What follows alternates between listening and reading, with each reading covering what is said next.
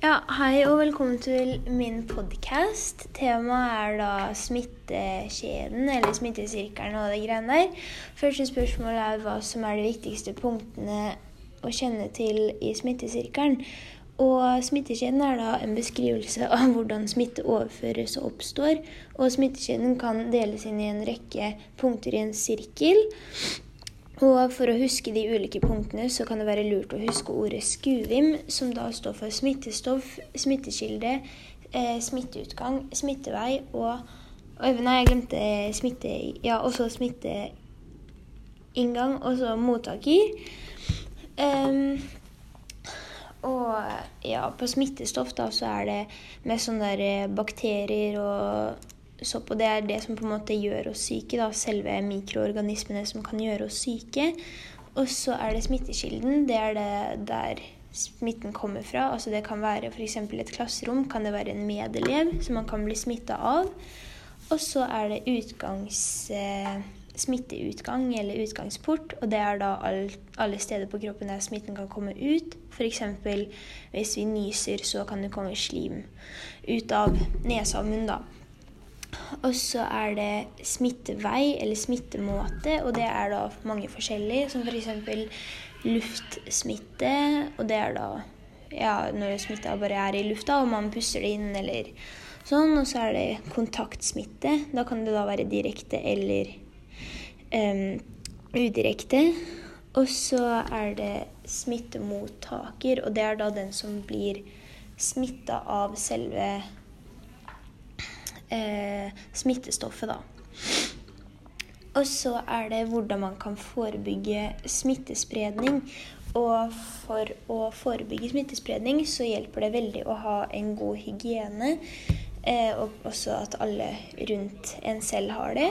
Og også ta bevisste valg, da, som f.eks. ikke kanskje klemme eller kysse på noen, da. Eh, fordi at da kan det både være luftbåren og kontaktsmitte som jeg vet ikke, smitter noen andre, eller så kan man også bli smitta sjæl.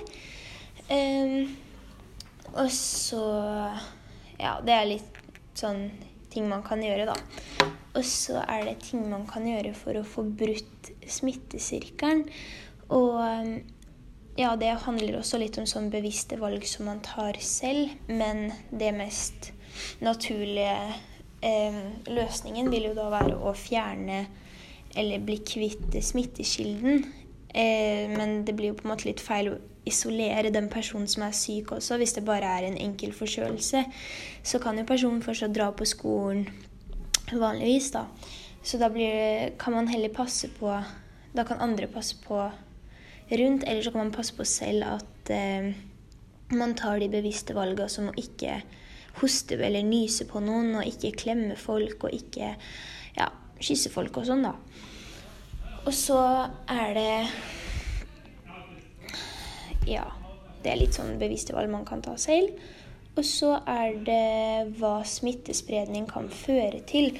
Og det er jo veldig forskjellige grader her. Da. Noen ekstreme ting som kan skje, er jo at det blir epidemi og sånn, at hele samfunnet blir smitta, og da stopper jo ting å fungere. Altså samfunnssystemet slutter å fungere.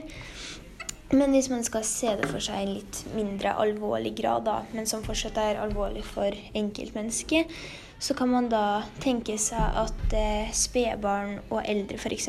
har et mye svakere immunforsvar. Og ved at de blir smitta og er syke og blir syke, så kan immunforsvaret bli enda svakere. Også folk som er svake nok, svake nok fra før kan også bli svakere. Og da kan den smittespredninga i verste fall føre til død. Og det er ikke så ille koselig. Eh, så ja. Jeg veit ikke helt hva jeg skal si, altså, så jeg stopper nå.